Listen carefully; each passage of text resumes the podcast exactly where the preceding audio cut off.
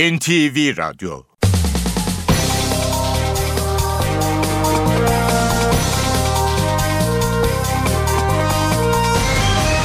İşe Giderken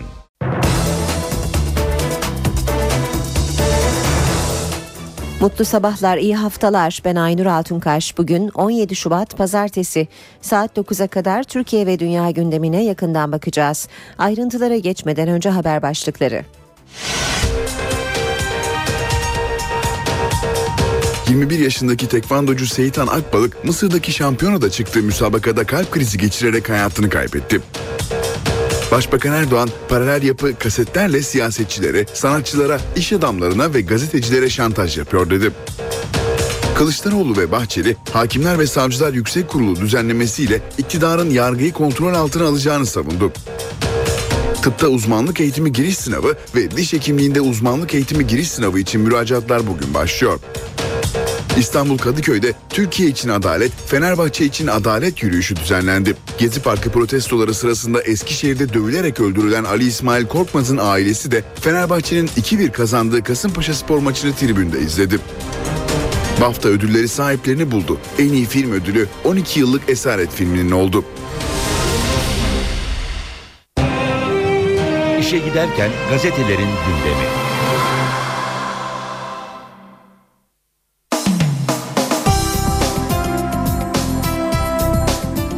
Hürriyet gazetesiyle basın özetlerine başlıyoruz. Adalet istiyoruz başlığını görüyoruz Hürriyet'te. Caddeden yükselen çığlık, Bağdat Caddesi'ndeki Türkiye ve Fenerbahçe için adalet yürüyüşüne katılan on binler sloganlarla, pankartlarla sesini duyurdu. Şaşkın Bakkal'da toplanan kalabalık saat 14'te Fenerbahçe'ye doğru yürüyüşe geçti. Yürüyüşe katılan eski yönetici Ali Koç, hukuk herkese lazım, adaletin rengi olmaz, tüm Türkiye için adalet istiyoruz dedi. Ellerinde hem Türk hem de Fenerbahçe bayrakları taşıyan taraftarlar gezi eylemlerinde Eskişehir'de öldürülen Ali İsmail Korkmaz için yazılan Ali İsmail Korkmaz Fenerbahçe yıkılmaz marşını söylediler. Yine hürriyetten bir başlık eroin kirlisi. Van eroin kirlisi denilen ucuz uyuşturucunun pençesinde bağımlı çocukları kurtarmak için örgütlenen annelerle yapılan söyleşi var hürriyette. Anneler Van'ı zehirleyen Gürpınar ve Başkale'nin köylerindeki eroin imalathanelerini herkesin bildiğini anlatıyor. Uyuşturucunun çok ucuz olmasının ilk nedeni bu. İstanbul'da 80 liraya satılan uyuşturucu burada 25 lira. En büyük sorunsa eroin kirlisi adı verilen ve alım gücü en düşük olanların dahi temin edebildiği uyuşturucunun yaygınlığı. Devam ediyoruz. Gerçek Kanuni'nin torunları Yız Biz başlığıyla Başbakan Erdoğan şehir hastanesi açılışında Sa- e, sağlıklı bir nefes için Cihan İmparatorluğunu feda edebilecek iradedeki gerçek kanuninin torunlarıyız dedi. Milliyetle devam ediyoruz. Milliyette de sürmanşet adalet istediler. Bağdat Caddesi'nde düzenlenen Türkiye için adalet, Fenerbahçe için adalet yürüyüşüne on binlerce kişi katıldı. Başkan Aziz Yıldırım'a sevgi gösterisinde bulunan taraftarlar yürüyüş boyunca e, taraftarlara yürüyüş boyunca ezeli rakipleri de destek verdi diyor Milliyet gazetesi. Maçta şok ölüm genç tekvandocu kalbine yenildi. Luxor'da düzenlenen Afrika Kupası'na katılan 21 yaşındaki milli tekvandocu Seyitan Akbalık müsabaka sırasında kalp krizi geçirerek yaşamını yitirdi. Gençler kategorisinde Avrupa şampiyonluğu bulunan başarılı sporcunun ölümü kafileyi de yasa boğdu. 13 kişilik milli takım turnuvaya devam edip etmeyeceğine toplantı yapıp karar verecek. Milliyetin manşeti otoparkta ayrımcılık. Antalya'da AVM otoparkında kadınlar için daha geniş bölümler yapılması tartışma yarattı. Bizi aşağılıyorlar diyen kadın örgütlerinden tepki var kendi hakimlerini getirecekler. İzmit'te aday tanıtım toplantısına katılan CHP lideri Kemal Kılıçdaroğlu HSK yasasındaki değişikliği eleştirdi. Kılıçdaroğlu kendi hakimlerini getirecekler. Yargıçlara sesleniyorum. Vicdanınıza göre karar vermezseniz bu ülkede yatacak yeriniz yoktur. Eğer siz siyasal iktidarın istediği kararları verirseniz iki elim sizin yakanızda olacak dedi. Geçiyoruz Sabah gazetesine. Paralel yapıyı iyice kavradık diyor Sabah manşette. Gördünüz MIT'in tırlarına baskının görüntüleri yayımlandı. Bu yapıyı kavradık değil mi? Başbakan Erdoğan'ın sözleri. O paralel savcı operasyon yapıyor, MİTçilere silah doğrultuluyor, yere yatırıp tekmeliyorlar. Bu hainlik emniyetin, jandarmanın, yargının içine sızan paralellerin talimatıyla oluyor. İşte o paralel yapı var ya, öğrendiniz iyice kavradık değil mi? Bu alçak faaliyetin, casusluğun hesabını hepsinden soracağız dedi Başbakan Erdoğan. Devam edelim ee, yine Sabah gazetesinden aktarmaya. Evim evim güzel evim. Eskişehir ve Sivas deplasmanlarında mağlup olan Fenerbahçe konuk ettiği Kasımpaşa karşısında yara sardı. Kanarya 10 kişi kalan rakibini Emre ve Bekir'in golleriyle devirdi. Evinde kaybetmeme geleneğini 17 maça çıkardı. Ve Kartal'ın zirve inadı Beşiktaş Olimpiyat Stadında karşı karşıya geldiği Bursa Spor önünde Ersan'ın 44. dakikada atılması üzerine 10 kişi kaldı ama pes etmedi. Almeida'nın golüyle 3 puanı alan Kara Kartal maç fazlasıyla ikinci sıraya yerleşti. Cumhuriyet gazetesi var sırada adalet çığlığı diyor Cumhuriyet manşetinde ve e, dün Kadıköy'de düzenlenen yürüyüşü manşetine taşıyor. Türkiye'nin tüm renkleri dün e, gezi olaylarında yaşamını yitiren 19 yaşındaki Ali İsmail Korkmaz ve adalet isyanında birleşti diyor Cumhuriyet gazetesi haberinde. Devam edelim e, basın özetlerine işe giderken de yine Cumhuriyet'ten bir başlık atamalar hız kesmiyor. 17 Aralık'tan sonra Cemaate yakın birçok ismi görevden alan AKP iktidarı dün de 6 valiyi merkeze çekti diyor. E, Cumhuriyet görevden alınanlar arasında Ergenekon operasyonlarını yönettikten sonra Iğdır valisi olan pek de var. Radikal var sırada. 12 Eylül benzetmesi diyor radikal manşette. Gül'ün atadığı HSYK üyesi Bülent Çiçekli'nin açıklamaları radikale. HSYK düzenlemesine kurumdan sert eleştiriler geldi. Profesör Çiçekli, Adalet Bakanı çok özel yetkilerle donatılıyor. HSYK üyeleri bakanın memurları haline geliyor dedi. Bülent Çiçekli şöyle konuştu. 12 Eylül dönemi benzetmesi abartılı olmaz. Yasa bu haliyle onaylanır. Yürürlüğe girerse hukuk devletine ve demokrasiye elveda Yine radikalden bir başlık siyasetteki yüksek gerilim devam ediyor. Paralel yapı eleştirilerini sürdüren Başbakan Erdoğan olur ya kapınızı çalabilirler bazı ablalar gelebilir onlara halimizden memnunuz deyin dedi. Zaman gazetesiyle devam edelim. Sit alanına bir çivi çaktılar diye ağır cezada yargılanıyorlar. Zamanın manşeti. Urla'da birinci derece sit alanında yıkım kararı bulunan kaçak villalarla ilgili tartışmalar sürerken bölgede yaşayan yüzlerce köylü arazisini ekip biçtiği için yargılanıyor. Hapis cezasına çarptırılan köylüler biz geçimimizi sağlamaya çalışıyoruz kaçak villa yapanlar yargılanıyor mu sözleriyle tepki gösteriyor.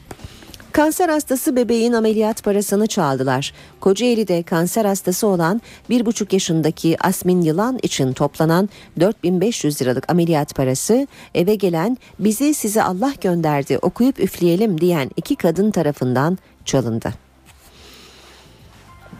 Devam ediyoruz basın özetlerine işe giderken de ağır vasıta şoförleri yeterlik sınavını geçemiyor yine zamandan bir başlık. Geçimini şoförlük yaparak sağlayan kamyon ve otobüsçülerin direksiyona geçebilmesi için mesleki yeterlilik belgesi alması gerekiyor. Ancak bu belgeyi almak için yazılı sınava giren her 3 şoförden ikisinin başarısız olduğu ortaya çıktı demiş zaman. Star'la devam ediyoruz. Son manşeti millet atacak. Medyanın Kabataş'taki çirkinliği örtmeye çalıştığını belirten Başbakan Erdoğan, arkasına belli sermaye çevreleri ve paralel yapıyı alarak gündem dayatmaya çalışıyor. Mağdure'nin beyanlarına, raporlara itibar etmiyorlar. Söz konusu başörtülü ise bunların pusulası işte böyle şaşar. Son manşeti medya değil millet atacak dedi diyor Star gazetesi. Yine Star'dan bir başlık savcı Fezleke'yi rüyasında mı gördü? 25 Aralık darbe operasyonunun hedefindeki iş adamı Mehmet Cengiz'in açıklamaları var. Savcının adliye önünde bildiri okurken gözlerindeki kine ve öfkeye baktığımda olanlara şaşırmıyorum demiş Mehmet Cengiz. Millet asla küfretmem e, başlığını da görüyoruz Mehmet Cengiz'in açıklamalarında. Habertürk'le devam ediyoruz.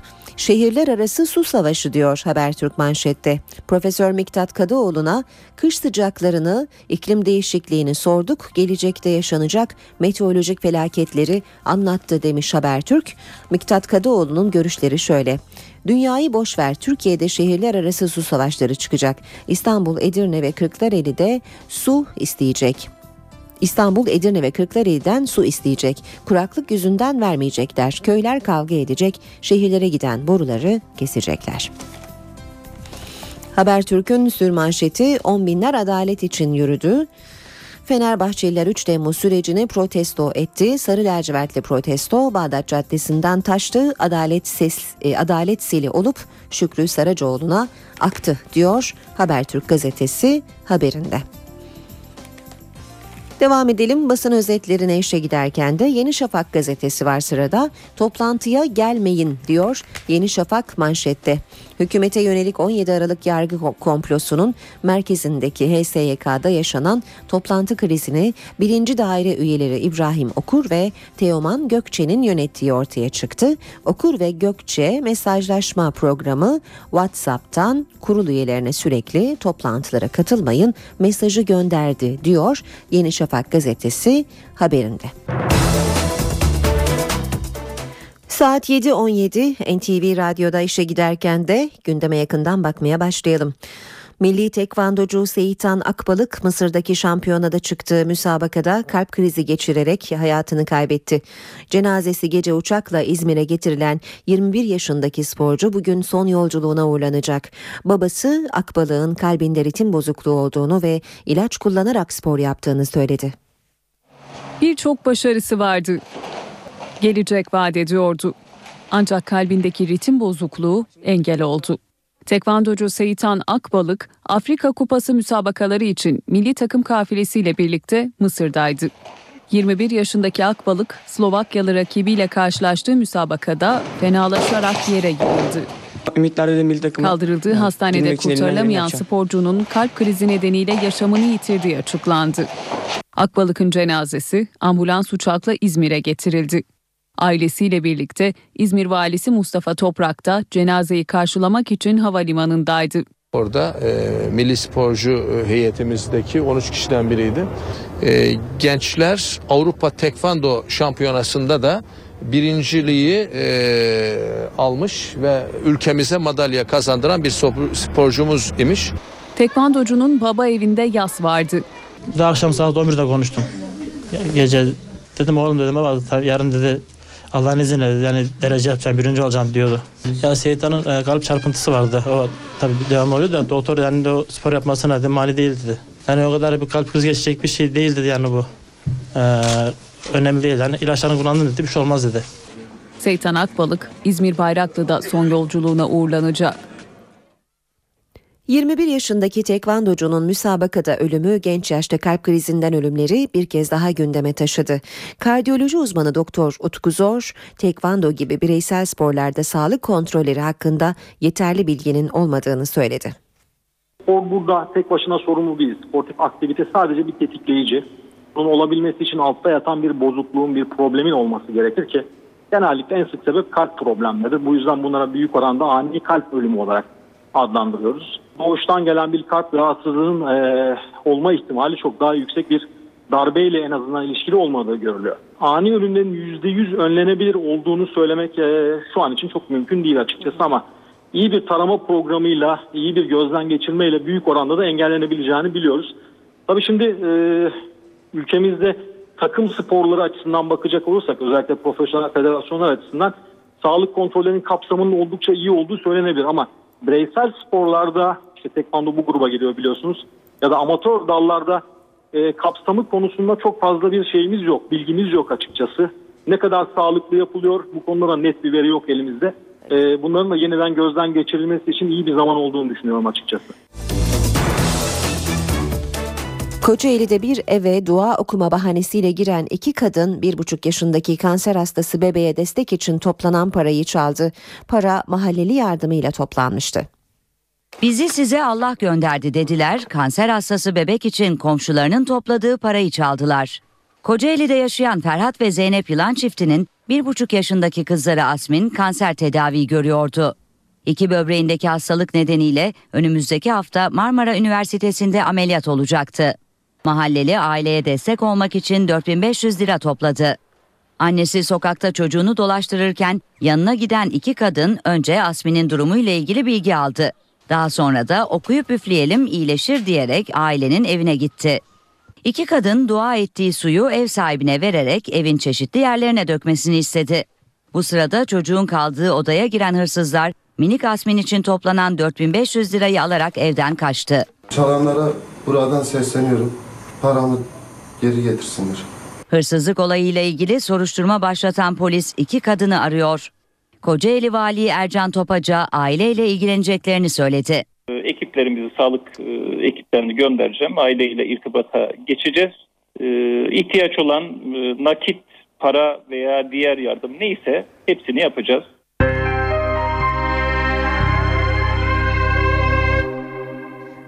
Başbakan Tayyip Erdoğan dün İstanbul'da konuştu. Paralel yapının kasetler aracılığıyla siyasetçilere, sanatçılara, iş adamlarına ve gazetecilere şantaj yaptığını söyledi.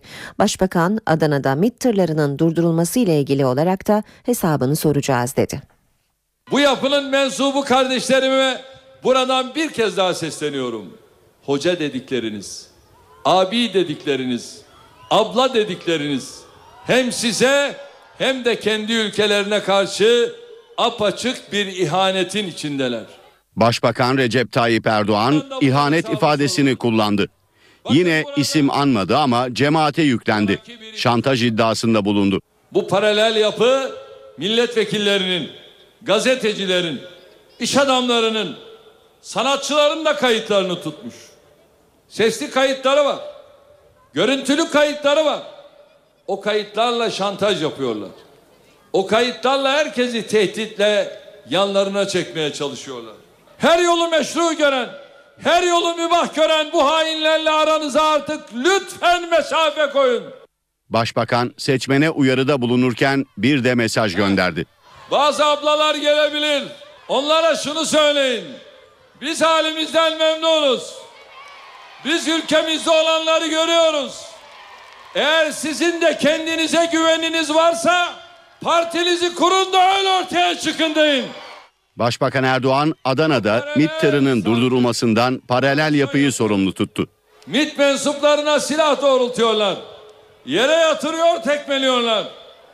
Kimin talimatıyla oluyor bu biliyor musunuz? Emniyetin, jandarmanın içine sızan paralellerin talimatıyla. Başbakan Kabataş'ta saldırı iddialarına ilişkin görüntüleri hatırlattı, medyaya yüklendi. Son manşeti ey medya siz atmayacaksınız. Son manşeti benim milletim atacak milletim. Cumhuriyet Halk Partisi Genel Başkanı Kemal Kılıçdaroğlu dün Kocaeli'de partisinin aday tanıtım toplantısına katıldı. Kılıçdaroğlu, Hakimler ve Savcılar Yüksek Kurulu'nun yapısını değiştiren yasayla iktidarın kendi hakimlerini getirerek mahkemelere müdahale edeceğini söyledi. Kılıçdaroğlu, hakimlere vicdanınıza göre karar vermezseniz iki elim yakanızda olacak diye seslendi. 16 saatlik mücadeleden sonra parlamentoda kaba kuvvet kullanarak Hakimler ve Savcılar Yüksek Kurulu'nun yasasını değiştirdiler. Kendi hakimlerini getirecekler. Buradan bütün hakimlere sesleniyorum. Eğer siz siyasal iktidarın istediği kararları verirseniz, halkın değil, vicdanınıza göre vermezseniz iki elimiz sizin yakanızda olacak. CHP Genel Başkanı Kemal Kılıçdaroğlu tepkili. Kılıçdaroğlu Kocaeli'de aday tanıtım toplantısında konuştu. Hakimler ve Savcılar Yüksek Kurulu'nun yapısını değiştiren yasanın meclisten geçirilmesi üzerine Başbakan Recep Tayyip Erdoğan'ı yargıya müdahale etmekle suçladı. Cumhuriyet Halk Partisi milletvekillerine saldırıyorlar. Parlamento kürsüsünde artık kaba kuvvet kullanılıyorsa artık orada tuz kokmuştur değerli arkadaşlarım. Kılıçdaroğlu 17 Aralık operasyonu sonrasında istifa eden bakanların fezlekelerinin meclise gönderilmemesine de tepki gösterdi. Silivri toplama kampına gittim. Çıkışta bu mahkemelerin adil olmadığını, içeride yüzlerce masum insanın yattığını söyledim. Ben daha Ankara'ya gelmeden fezleken meclise geldim. MHP Genel Başkanı Devlet Bahçeli ise Muğla'da konuştu. Bahçeli, mecliste kabul edilen HSYK düzenlemesini eleştirdi, seçmene seslendi. Şimdi bu gidişat sağlıklı değildir aziz vatandaşlarım. MHP Genel Başkanı Devlet Bahçeli mecliste kabul edilen HSYK düzenlemesine tepki gösterdi. Yargı kontrol altına alınmak isteniyor dedi. Hakim ve Savcılar Yüksek Kurulu'nu baştan sona yeniden tanzim edip Adalet Bakanlığı'na esir eden bir yargıtay ve hakimler ordusu kurmaya çalışacak bir adım attı. Seçim programı kapsamında Muğla'nın ilçelerini gezen Bahçeli, yerel seçimin önemine dikkat çekti. Bütün siyasi partilerimiz 30 Mart seçimlerine çok büyük bir önem vermelidir. Çünkü 30 Mart seçimleri bir başlangıçtır ve geleceği şekillendirecek bir anlam yüklenmektedir. Adalet Bakanı Bekir Bozdağ mecliste kabul edilen HSYK düzenlemesine muhalefetin tepkisini eleştirdi. Bozdağ, yasa resmi gazetede yayınlanmadan Anayasa Mahkemesi'ne gidilemeyeceğini söyledi. Hakimler ve Savcılar Yüksek Kurulu kanununda değişiklik öngören teklif anayasaya aykırı değildir. Anayasanın 159. maddesinde halkımızın referandumda kabul ettiği temel ilkeler korunmaktadır. Halkın referandumda evet dediği şey yasayla geri alınıyormuş gibi büyük bir kara propaganda yapılmaktadır. Adalet Bakanı Bekir Bozdağ, HSYK yasasının meclisten geçmesinin ardından gündeme gelen tartışmaları kara propaganda olarak değerlendirdi. Yozgat Sorgun'da konuşan Adalet Bakanı'na CHP'nin düzenlemeyi Cumhurbaşkanı onayından önce Anayasa Mahkemesi'ne götürme hazırlığı da soruldu. Yasa değişikliğinin resmi gazetede yayınlanmasından önce Anayasa Mahkemesi'ne müracaat etme e, imkanı yoktur. Eğer Cumhuriyet Halk Partisi böyle bir yola tevessül ederse kendisi anayasanın öngördüğü usulün dışına çıkmış olur. Anayasayı kendisi çiğnemiş olur. Bakan Bozdağ teklifin görüşülmesi sırasında mecliste yaşananları ise eleştirdi. Bazı üzüntü verici hadiseler e, keşke yaşanmamış olsaydı. Onlardan dolayı hepimiz üzgünüz. İstanbul Kadıköy'de Fenerbahçelilerin adalet yürüyüşü vardı. Fenerbahçeli Avukatlar Derneği'nin düzenlediği Türkiye için Adalet, Fenerbahçe için Adalet yürüyüşüne Başkan Aziz Yıldırım da katıldı.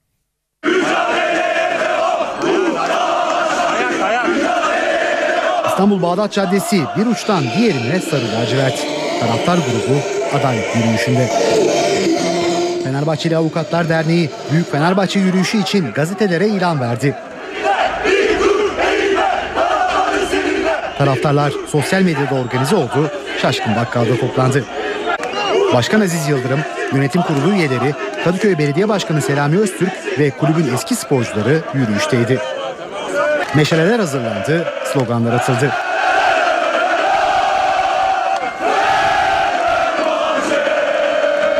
Hep buradayız çünkü biz Fenerbahçeliyiz. Ben kendime saygımdan dolayı bugün buradayım. Adalet için yürüyoruz. Herkese eşit adalet olsun diye yürüyoruz.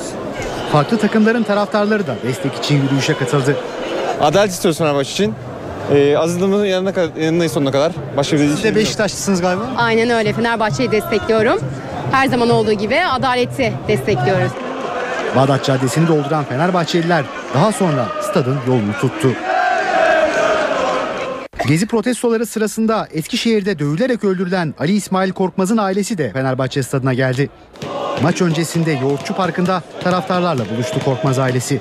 Ardından maçı izlemek için stada gitti.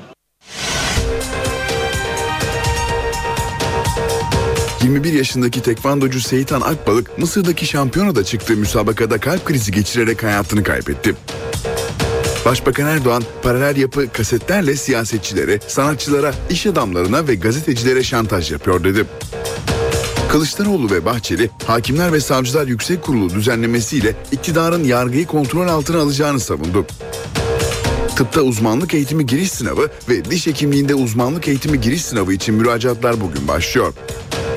İstanbul Kadıköy'de Türkiye için adalet, Fenerbahçe için adalet yürüyüşü düzenlendi. Gezi Parkı protestoları sırasında Eskişehir'de dövülerek öldürülen Ali İsmail Korkmaz'ın ailesi de Fenerbahçe'nin 2-1 kazandığı Kasımpaşa spor maçını tribünde izledi. BAFTA ödülleri sahiplerini buldu. En iyi film ödülü 12 yıllık Esaret filminin oldu. 7.37 saatimiz e, ayrıntılı haberlerimize devam edelim işe giderken de. Sincan 1. Ağır Ceza Mahkemesi kopya iddialarına konu olan 2012 yılı hakim ve savcılık sınavı hakkında verilen takipsizlik kararını kaldırdı. Sınav Memur Suçları Bürosu tarafından yeniden incelenecek. 2012 yılı hakim savcı sınavında kopya iddiaları nedeniyle verilen takipsizlik kararı kaldırıldı. Memur Suçları Bürosu iddiaları yeniden inceleyecek.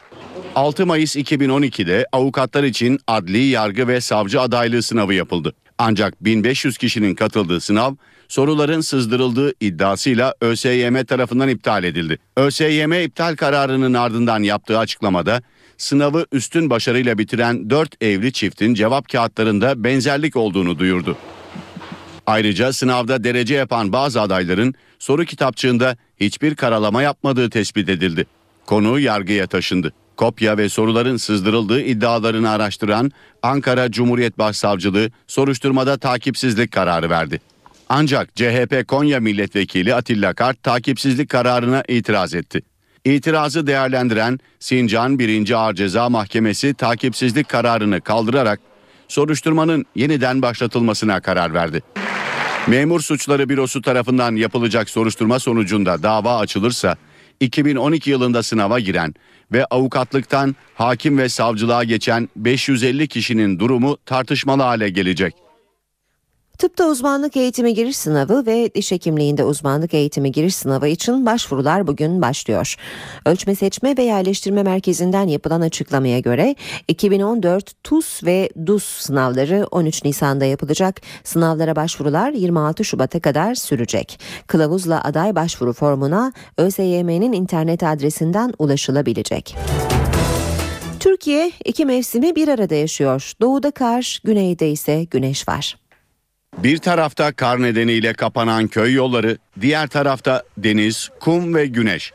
Türkiye dört mevsimi birden yaşıyor. Yurdun doğusunda soğuk etkili. Gecenin en düşük hava sıcaklığı Erzurum ve Ağrı'da eksi 9 derece olarak ölçüldü. Ardahan'da donan Çıldır Gölü üzerinde atlı kızak keyfi vardı. Van'da da buz tutan travertenler ilginç görüntüler oluşturdu. Hakkari ve Muş'ta ise kar nedeniyle 61 köyle ulaşım sağlanamıyor. Ekipler kapanan yolları açmak için çalışıyor. Kent merkezinde de ana arterlerde tuzlama çalışması yapılıyor. Kar kalınlığının yeterli seviyede olduğu Kars'taki Cıbıltepe Kayak Merkezi'nde hafta sonu yoğunluğu yaşandı. Artvin'de bu yıl üçüncüsü düzenlenen kızak yarışmasında da renkli görüntüler vardı. Yurdun güneyinde ise yazdan kalma günler yaşanıyor. Hava sıcaklığının 20 dereceyi geçtiği Antalya'da turistler denize girerek güneşin tadını çıkardı. 10 yıldır işlem görmediği için unutulmuş kabul edilen banka hesaplarının kimlere ait olduğu internet üzerinden ilan ediliyor. Bankada unutulan paraların sahipleri 4 ay boyunca başvuru yapmazsa unutulan para tasarruf mevduatı sigorta fonuna aktarılacak. Bankada açtırdığı hesabı unutanlar için kritik süreç başladı. Bankalar 10 yıldır işlem yapılmayan hesapları ilan etmeye başladı. 16 Haziran'a kadar hesap sahipleri başvuruda bulunmazsa unutulan paralar tasarruf mevduatı sigorta fonuna devredilecek. Bankalardaki mevduat, katılım fonu, emanet ve alacaklar 10 yıl boyunca işlem görmeyince zaman aşımına uğruyor. Bankalar bu hesapların sahiplerini önce mektupla uyarıyor. Bu hesaplar Şubat-Haziran ayları arasında da bankaların internet sayfasından ilan ediliyor. 31 Aralık 2013 tarihi itibariyle zaman aşımına uğrayan ve bankalar tarafından TMSF'ye bildirilen 254.717 adet mevduat ve katılım hesabı bulunuyor. Unutulan hesaplar sadece kişilere ait değil. Şirketler, vakıflar, dernekler, siyasi partiler, devlet kurumlarının bile unutulmuş hesabı bulunuyor. Bu hesapların Türk lirası karşılığı da yaklaşık 119 milyon lira düzeyinde. Bankalarda unutulan mevduat adeti konusunda 2012 yılında rekor kırıldı. 2012 yılında 589.895 mevduat hesabı ve 1448 katılım fonu unutuldu. Söz konusu yıl unutulan mevduat toplamı yaklaşık 123 milyon lira, 7,6 milyon euro ve 8,5 milyon dolar oldu. Maliye Bakanlığı Radyo ve Televizyon Üst Kurulu'na 8 milyon 11 bin lira gecikme cezası kesti. Bir soru önergesini yanıtlayan Maliye Bakanı Mehmet Şimşek, gelirlerinden yasada belirtilen miktarda ödemeyi zamanında yapmayan Radyo ve Televizyon Üst Kurulu'na 8 milyon lira ceza kesildiğini bildirdi.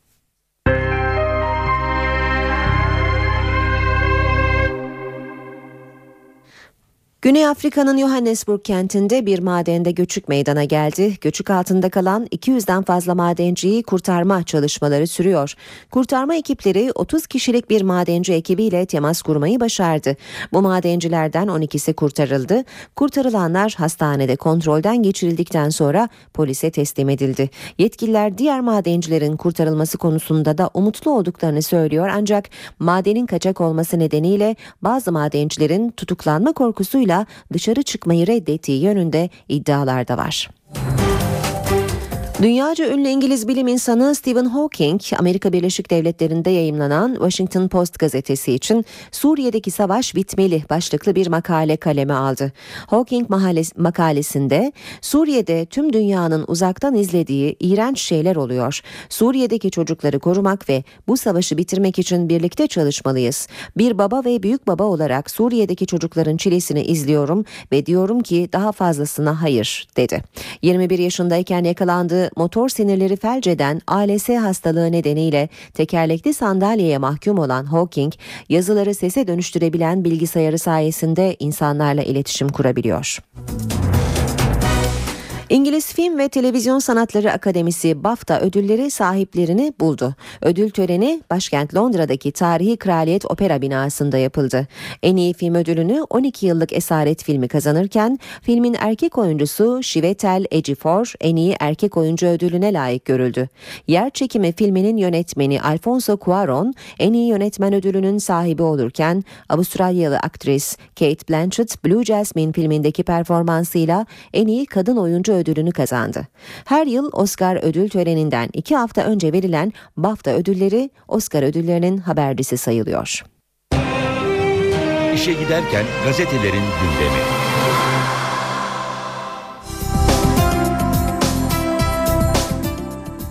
Şimdi gazetelerden spor haberleri aktaracağız. Fanatikle başlayalım. Diriliş manşetiyle çıkmış Fanatik. Eskişehir ve Sivas deplasmanlarında üst üste kaybeden Fenerbahçe huzuru evinde buldu. Vebo, Sov, Emenike'nin yokluğunda golcüsüz oynayan lider Kasımpaşa önünde çok zorlandı. Rakip 57'de 10 kişi kaldı. 64'te Emre'nin nefis golü geldi. Kadıköy'de zafer kutlamaları yapılırken 79'da Malki sahneye çıktı. Şok uzun sürmedi. 81'de Bekir'in vuruşu özlenen 3 puanı getirdi. Bir eksikle bir fazla diyor yine fanatik. Olimpiyat stadında ilk yarıda takımlarının futbolunu beğenmeyen Beşiktaşlı taraftarlar 44'te Ersan'a çıkan kırmızı kartla iyice çılgına döndü. 10 kişiyle rakip kaleye fazla yüklenemeyen Kartal'ı Gökhan Tören'in müthiş mücadelesiyle Almeida'nın klası kurtardı. Portekizli'nin kariyer rekoruyla birlikte üst üste dördüncü galibiyet de geldi diyor fanatik haberinde. AMK'ye bakalım. Hoş geldin paşam diyor AMK manşette. İki haftadır ortalarda gözükmeyen Fenerbahçe Kasımpaşa zaferiyle döndü ve Fenerbahçe ayağa kalktı. Eskişehir ve Sivas yenilgileriyle iki haftada 6 puan kaybeden Sarı Lacivertliler Kasımpaşa'yı yenerek kendine geldi. Cezalı ve sakat yıldızlarından yoksun çıktığı maçın ilk yarısında zorlanan Kanarya soyunma odasına golsüz eşitlikle girdi. İkinci yarıda Kerem'in atılmasıyla avantaj yakalayan Fenerbahçe bunu iyi kullandı. Emre 64. dakikada kendine has klas bir vuruşla ağları sarstı.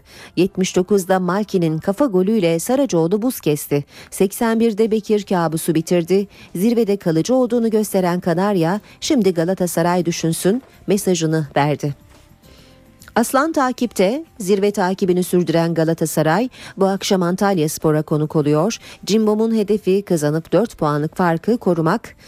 Halis Özkahya'nın yöneteceği karşılaşma saat 20'de başlayacak ve Akdeniz Üniversitesi stadında oynanacak. Beşiktaş 12'den vurdu. Bursa'yı 10 kişiyle deviren Kartal üst üste 4. zaferini alıp maç fazlasıyla ikinci sıraya yükseldi. Almeida Lig'deki 12. golünü attı. Foto maçta da manşet Hacı Bekir lokumu. Son iki maçını kaybeden Fenerbahçe Kasımpaşa önünde de sıkıntılı anlar yaşarken Bekir sahneye çıktı. Attığı galibiyet golüyle takımın ağzının tadını yerine getirdi. Yine foto maçtan bir başlık Fener alayı. Fenerbahçeli Avukatlar Derneği tarafından düzenlenen büyük yürüyüş dün Bağdat Caddesi'nde gerçekleştirildi. On binlerce taraftarın katıldığı dev yürüyüşte Aziz Yıldırım da yer aldı diyor Foto Maç gazetesi. Devam ediyoruz spor haberleri aktarmaya gazetelerden. Milliyet gazetesinin spor sayfalarına bakalım. Yine Fenerbahçe haberleri ağırlıklı olarak karşımıza çıkıyor. Dünya varmış demiş e, Milliyet. Fenerbahçe'nin iki haftalık çilesi Kasımpaşa önünde noktalandı. Lider rahat bir nefes aldı mücadele şampiyon yapacak başlığını görüyoruz. Ee, Ersun Yanal Fenerbahçe olarak önemli bir gün geçirdiklerinin altını çizdi. Kulübümüzün savunduğu ilkeler adına 100 binlerin gövde gösterisi yaptığı bir gündü dedi Ersun Yanal. Emenike'ye büyük şok. Nijeryalı oyuncu maça saatler kala erkek kardeşinin eşinin ölüm haberiyle sarsıldı diyor. Yine Milliyet gazetesi. Emekçi topluluğu başlığı Milliyet'te Beşiktaş Teknik Direktörü Slaven Bilic büyük emek karşılığında Bursa Spor'u yendiklerini söyledi. Kenardan gelenler harika iş çıkardı. Önemli birliktelik gösterdik. Bir kişi eksik kaldığımız maçta taraftar olmasaydı maçı kazanmak imkansız olabilirdi dedi. Mısır'da şok ölüm. Afrika Kupası'nda dün tatamiye çıkan tekvandocu Seyitan Akbalık müsabaka sırasında kalp krizi geçirerek yaşamını yitirdi. Genç sporcunun naaşı jet ambulans gönderilerek İzmir'e getirildi. Seyitan Akbalık'ın hayatını kaybetmesi ailesini yasa boğdu. Sporcunun annesi güçlükle ayakta dururken baba Erdal Akbalık kalbinde ritim bozukluğu vardı ama doktorlar spor yapmasına engel olmadığını söyledi dedi. Fener'le 5 dakika başlığını görüyoruz yine Milliyet'te. Fenerbahçe Ülker derbide öldü öldü dirildi ancak son 5 dakikadaki müthiş temposuyla farklı kazanmayı bildi. 12 sayısını da 35. dakikadan sonra atan Ömer Onan'la 16 sayı 6 asistle oynayan Bogdanovic galibiyette öne çıkan isimlerdi. Bitiriyoruz böylece spor haberlerini NTV Radyo'da işe giderken de. NTV Radyo Yeni saate girdik. Herkese bir kez daha günaydın. Ben Aynur Altunkaş. Gökhan Abur'la az sonra son hava tahminlerini konuşacağız. Gündemin başlıklarını hatırlayalım önce.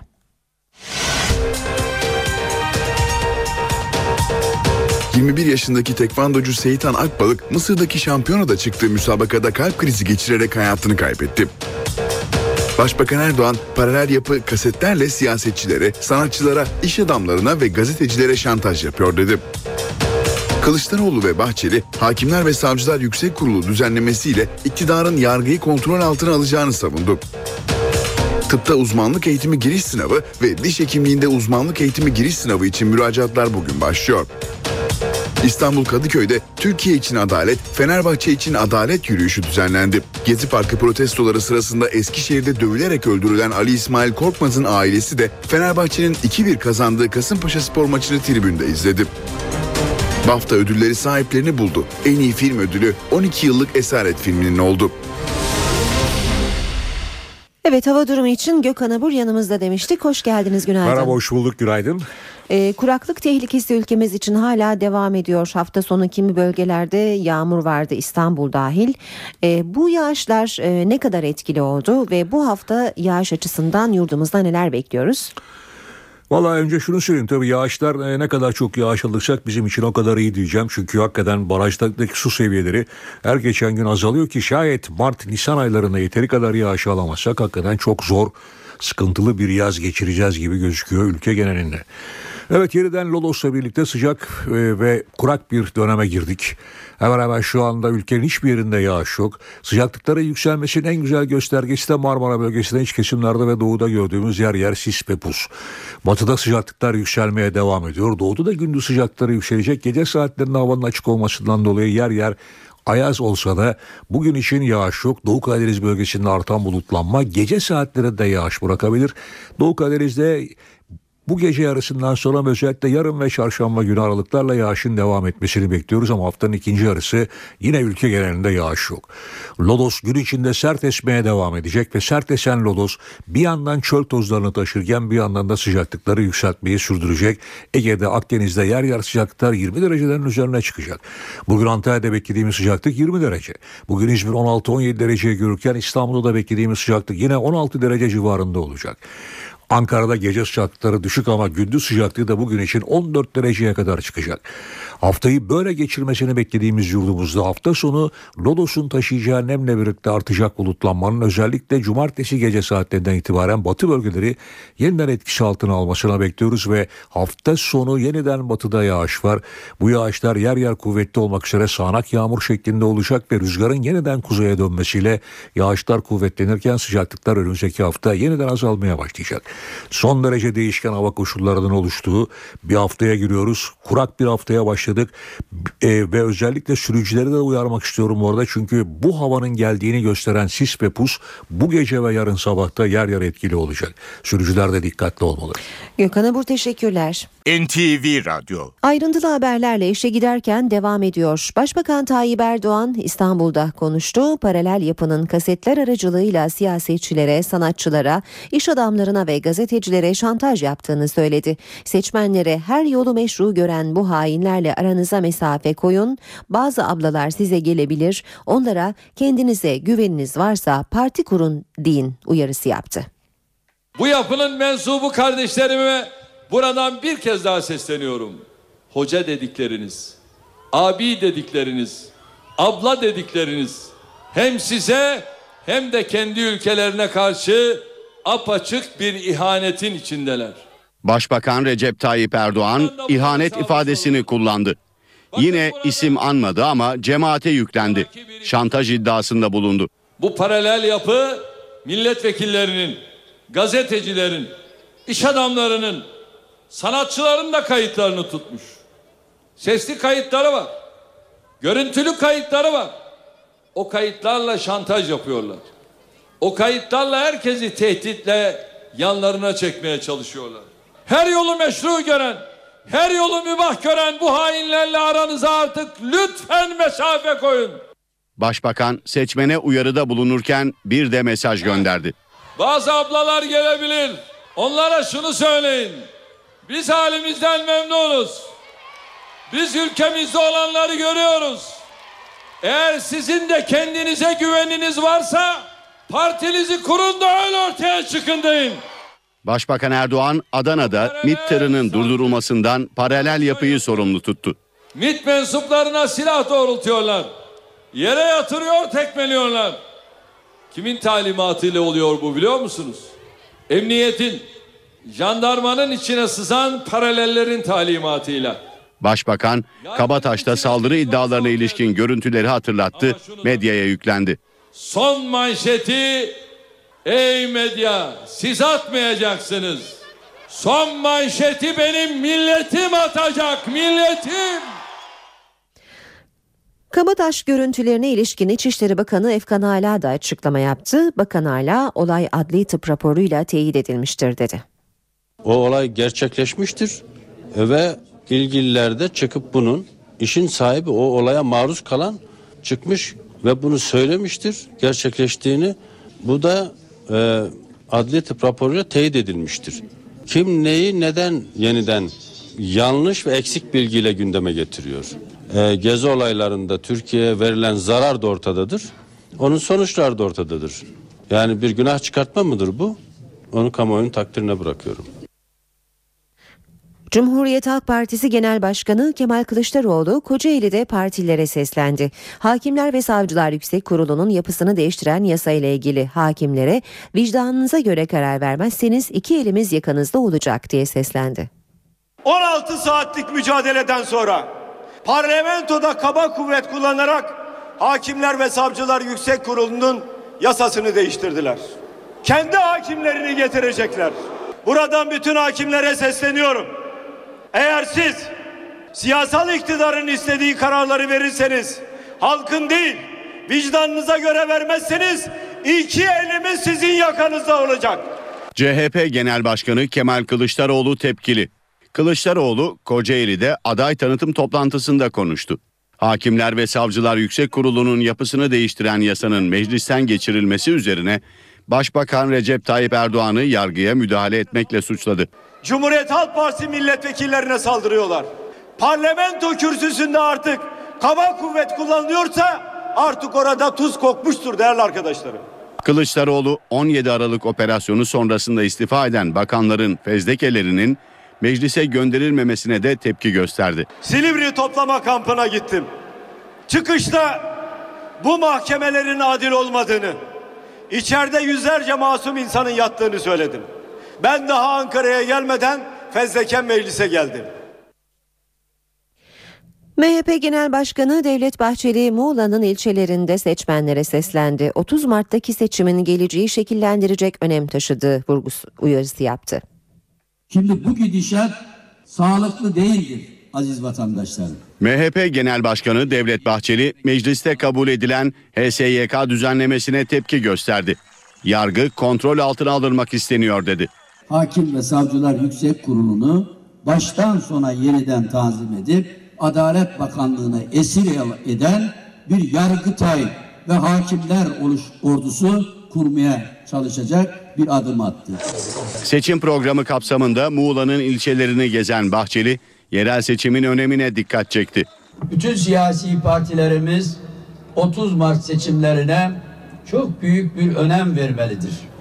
Çünkü 30 Mart seçimleri bir başlangıçtır ve geleceği şekillendirecek bir anlam yüklenmektedir. Adalet Bakanı Bekir Bozdağ, Hakimler ve Savcılar Yüksek Kurulu düzenlemesine muhalefetin tepkisini eleştirdi. Bozdağ, halkın referandumda evet dediği şey yasayla geri alınıyormuş gibi büyük bir kara propaganda yapılmaktadır diye konuştu. İstanbul Kadıköy'de Fenerbahçelilerin adalet yürüyüşü vardı. Fenerbahçeli Avukatlar Derneği'nin düzenlediği Türkiye için Adalet, Fenerbahçe için Adalet yürüyüşüne Başkan Aziz Yıldırım da katıldı.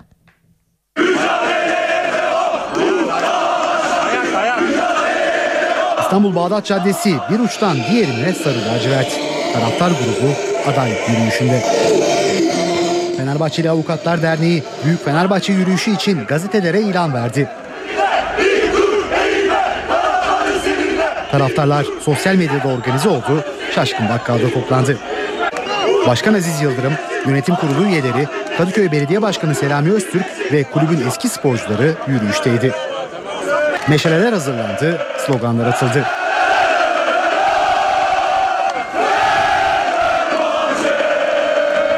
Hep buradayız çünkü biz Fenerbahçeliyiz. Ben kendime saygımdan dolayı bugün buradayım. Adalet için yürüyoruz. Herkese eşit adalet olsun diye yürüyoruz. Farklı takımların taraftarları da destek için yürüyüşe katıldı. Adalet istiyoruz Fenerbahçe için. Ee, azınlığımızın yanına, kadar- yanındayız sonuna kadar. Başka bir Siz de Beşiktaşlısınız galiba. Aynen öyle. Fenerbahçe'yi destekliyorum. Her zaman olduğu gibi adaleti destekliyoruz. Bağdat Caddesi'ni dolduran Fenerbahçeliler daha sonra stadın yolunu tuttu. Gezi protestoları sırasında Eskişehir'de dövülerek öldürülen Ali İsmail Korkmaz'ın ailesi de Fenerbahçe stadına geldi. Maç öncesinde Yoğurtçu Parkı'nda taraftarlarla buluştu Korkmaz ailesi. Ardından maçı izlemek için stada gitti.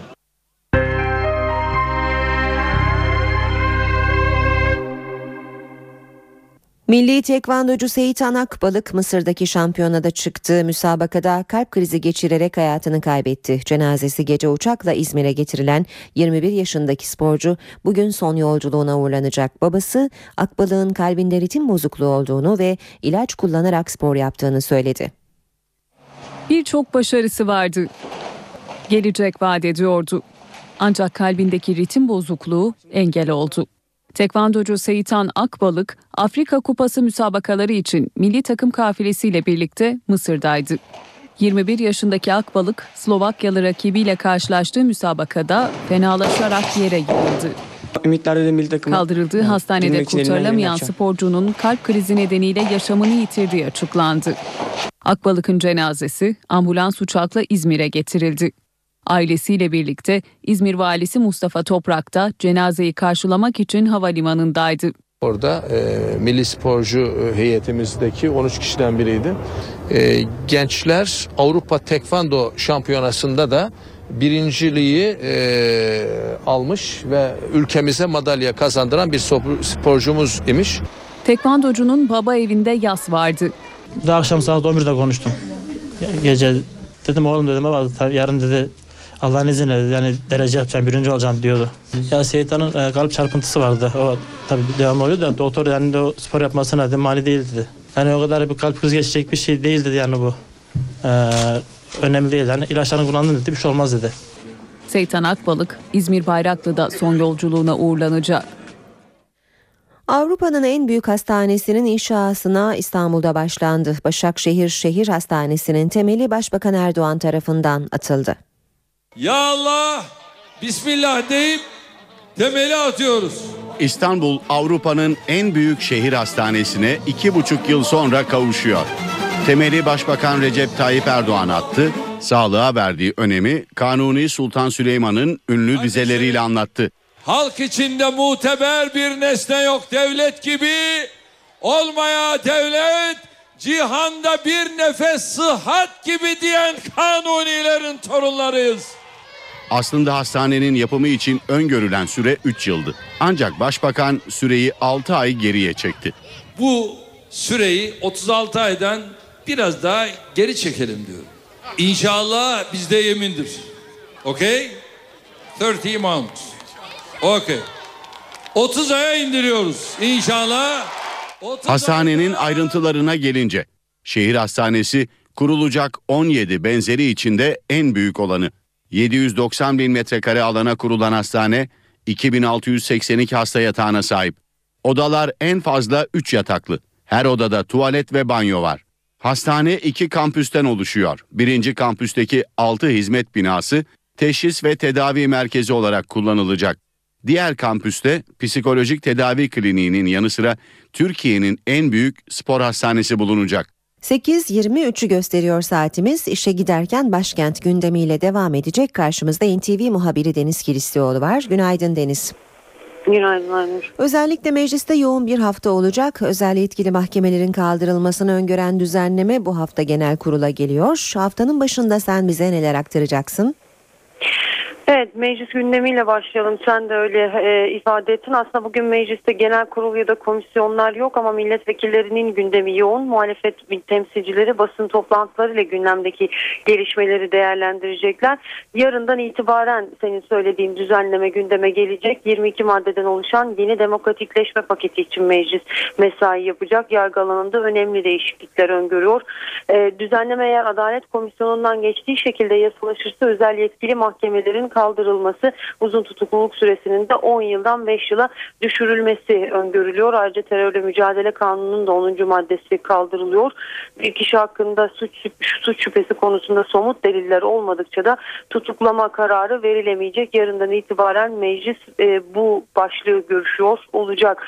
E, meclis ayrıca bu hafta görüşmelerine HSYK düzenlemesi nedeniyle ara verilen AFAD'la ilgili torba kanun teklifinin görüşmelerine de devam edileceğini söyleyelim.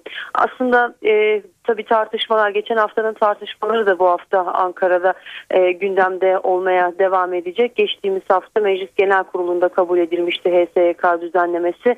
E, kavgalarla geçmişti Meclis Genel Kurulu'ndan.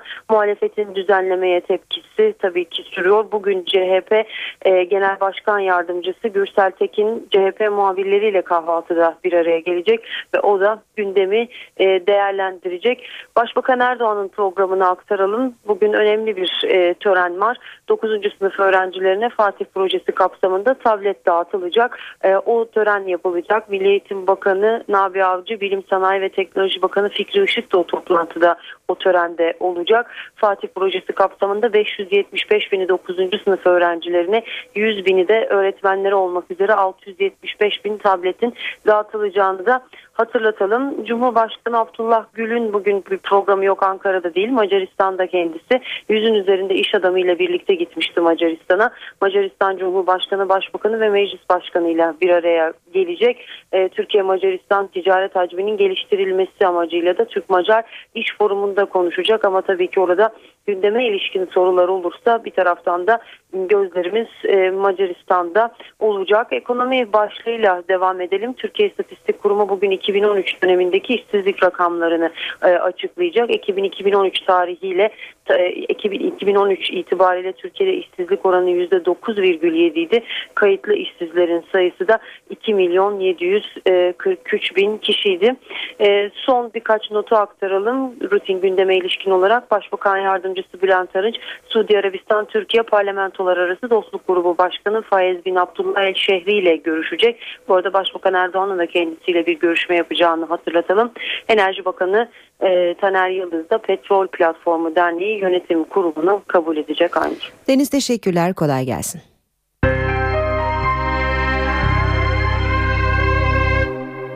Başkent gündemini aldık. Şimdi işten güçten haberlerle devam edeceğiz. Profesör Cem Kılıç bugün bize iş gücü piyasasını anlatacak.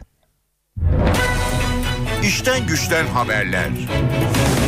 Profesör Cem Kılıç'la çalışma hayatı ve sosyal güvenliğe dair her şey.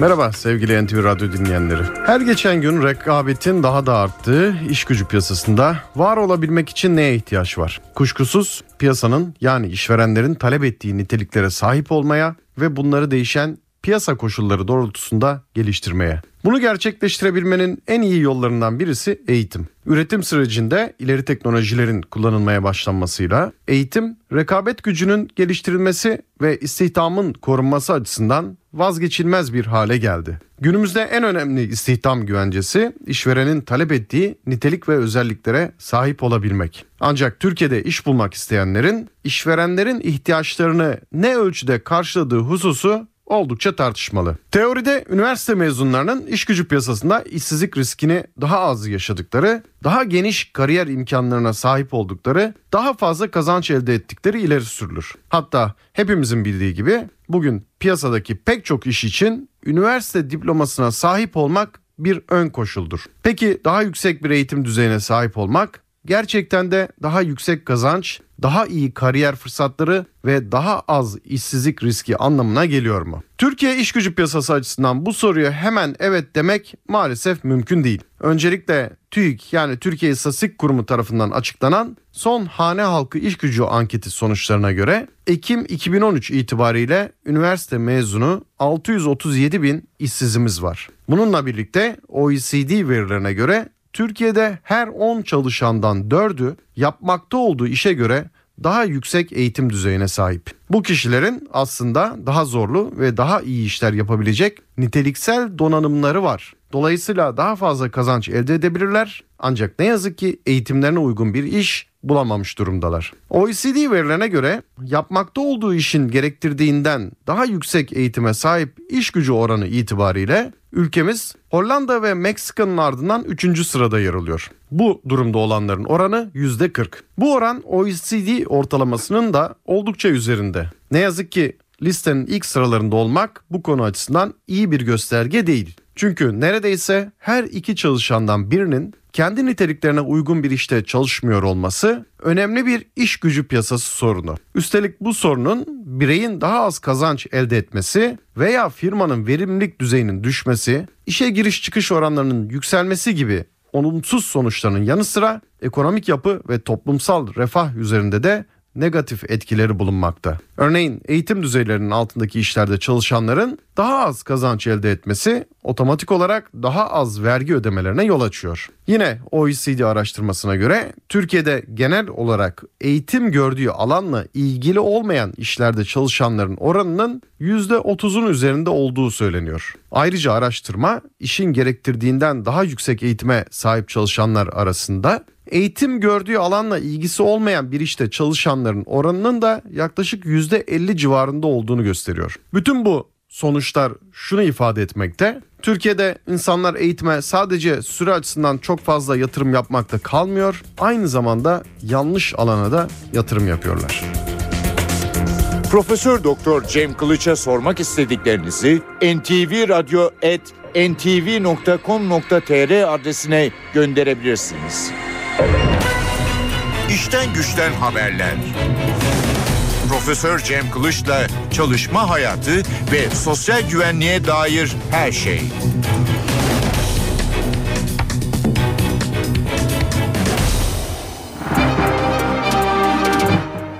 Piyasalara da bakalım. BIST 100 endeksi Cuma günü %1,75 oranında değer kazandı. 64.882 puandan kapandı. Yeni haftaya dolar 2.17'nin üzerinde başladı. Euro 2.99'da seyrediyor. Euro dolar 1.37, dolar yen 102 düzeyinde. Altının onsu 1325 dolar. Kapalı çarşıda külçe altının gramı 93, çeyrek altın 162 liradan satılıyor. Brent petrolün varili 109 dolar. 21 yaşındaki tekvandocu Seyitan Akbalık Mısır'daki şampiyonada çıktığı müsabakada kalp krizi geçirerek hayatını kaybetti.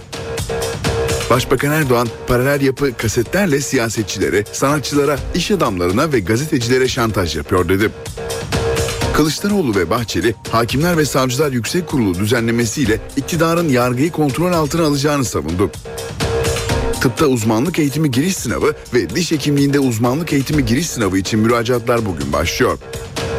İstanbul Kadıköy'de Türkiye için adalet, Fenerbahçe için adalet yürüyüşü düzenlendi. Gezi Parkı protestoları sırasında Eskişehir'de dövülerek öldürülen Ali İsmail Korkmaz'ın ailesi de Fenerbahçe'nin 2-1 kazandığı Kasımpaşa spor maçını tribünde izledi. BAFTA ödülleri sahiplerini buldu. En iyi film ödülü 12 yıllık Esaret filminin oldu. İşe giderken haberler devam ediyor. Türkiye-Suriye sınırında akaryakıt kaçakçılığı yapmak amacıyla kullanılan iki boru hattı imha edildi. Genelkurmay Başkanlığından yapılan açıklamaya göre sınırda 200 metre ve 400 metre uzunluğunda iki ayrı boru hattı tespit edildi. Akaryakıt kaçakçılığı için kullanıldığı tespit edilen hatlar imha edildi. Genelkurmay Başkanlığı ayrıca kaçak yollardan Türkiye'ye girmek isteyen 10 kişilik bir grubun sınır birliklerine ateş açtığını bildirdi. Gruba ateşle karşılık verilmesi üzerine kaçakçıların Suriye tarafına doğru kaçtığı belirtildi. Suriye'nin Azez ilçesindeki çatışmalar nedeniyle Öncü Pınar sınır kapısında geçişler durdu. Kilis'in karşısında bulunan Azez ilçesinde Özgür Suriye ordusuna bağlı muhalif birliklerle Irak Şam İslam Devleti örgütü arasındaki çatışmalar şiddetlendi. Tır sürücüleri güvenlik gerekçesiyle Suriye tarafına gidemeyince Öncü Pınar sınır kapısında geçişler durdu. Çatışmadan kaçan bazı Suriyeliler mayınlı bölgelerden geçerek Türkiye'ye sığındı. Hatay'ın Reyhanlı ilçesinde geçen yıl meydana gelen bombalı saldırılarda yaşamını yitirenler için anıt inşa edildi. 10 metrelik anıta 11 Mayıs Şehitleri Anıtı adı verildi. Anıta patlamalarda hayatını kaybeden 53 kişinin isimleri yazıldı. Anıtın resmi açılışı önümüzdeki günlerde yapılacak. Reyhanlı'da 11 Mayıs 2013'te bombalı araçlarla yapılan saldırılarda 53 kişi yaşamını yitirmişti. Mısır'da İsrail sınırı yakınında Sina Yarımadası'nda bir turist otobüsüne bombalı saldırı düzenlendi. Olayda 4 kişi yaşamını yitirdi. Yetkililer patlamada 3 Koreli turistle Mısırlı şoförün yaşamını yitirdiğini açıkladı. Çoğu Koreli 29 kişi de yaralandı. Yetkililer olayın bomba yüklü araçla ya da yol kenarına yerleştirilen bombayla gerçekleştirilmiş saldırı olduğunu düşünüyor. Venezuela'da öğrencilerin hükümete yönelik tepkileri dinmiyor. Gözaltına alınan arkadaşlarının serbest bırakılmasını isteyen öğrenciler polisle çatıştı. Venezuela'nın başkenti Caracas sokakları savaş alanına döndü. Geçen haftaki gösterilerde ölen iki öğrenci için adalet isteyen protestocular yine güvenlik güçleriyle karşı karşıya geldi. Polis göstericileri dağıtmak için göz yaşartıcı gaz ve basınçlı su kullandı. Göstericilerse taşla karşılık verdi. Çevre binalarda oturanlar da tencere tava çalarak göstericilere destek verdi. Göstericilerin eylemlerin sona ermesi için bir talepleri var. Gözaltına alınan tüm protestocu öğrenciler serbest bırakılınca gösterilerden vazgeçeceğiz.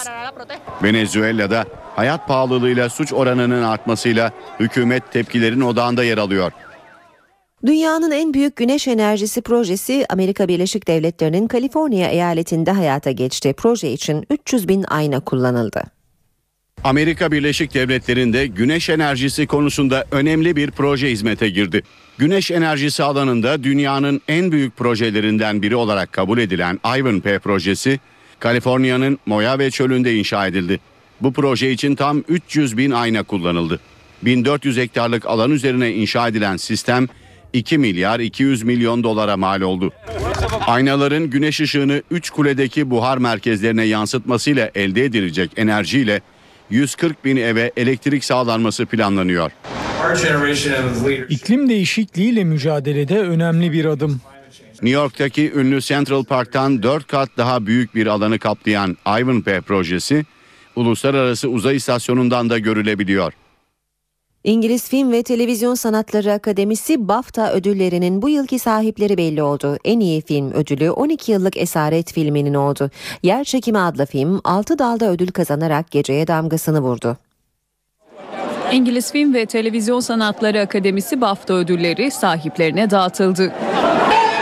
Ödül töreni Londra'daki tarihi Kraliyet Opera binasında yapıldı. Tören girişinde birbirinden ünlü isimler kırmızı halıda boy gösterdi. En iyi film ödülüne 12 yıllık Esaret filmi layık görüldü. Filmin erkek oyuncusu Chiwetel Ejiofor en iyi erkek oyuncu ödülünü kazandı. Chiwetel Ejiofor. Avustralyalı aktris Kate Blanchett, Mavi Yasemin filmindeki performansıyla en iyi kadın oyuncu ödülünü aldı. En iyi yönetmen ödülü ise 6 dalda BAFTA kazanan Yer Çekimi filminin yönetmeni Alfonso Cuarón'un oldu. En iyi yardımcı kadın oyuncu ödülü Düzenbaz filmindeki performansıyla Jennifer Lawrence'a, en iyi yardımcı erkek oyuncu ödülü de Captain Phillips filmindeki Barkat Abdi'ye gitti. Ödül töreninin sunuculuğunu İngiliz komedyen ve aktör Stephen Fry yaptı. Her yıl Oscar ödül töreninden iki hafta önce verilen BAFTA ödülleri Oscar ödüllerinin habercisi sayılıyor. İşe giderken gazetelerin gündemi.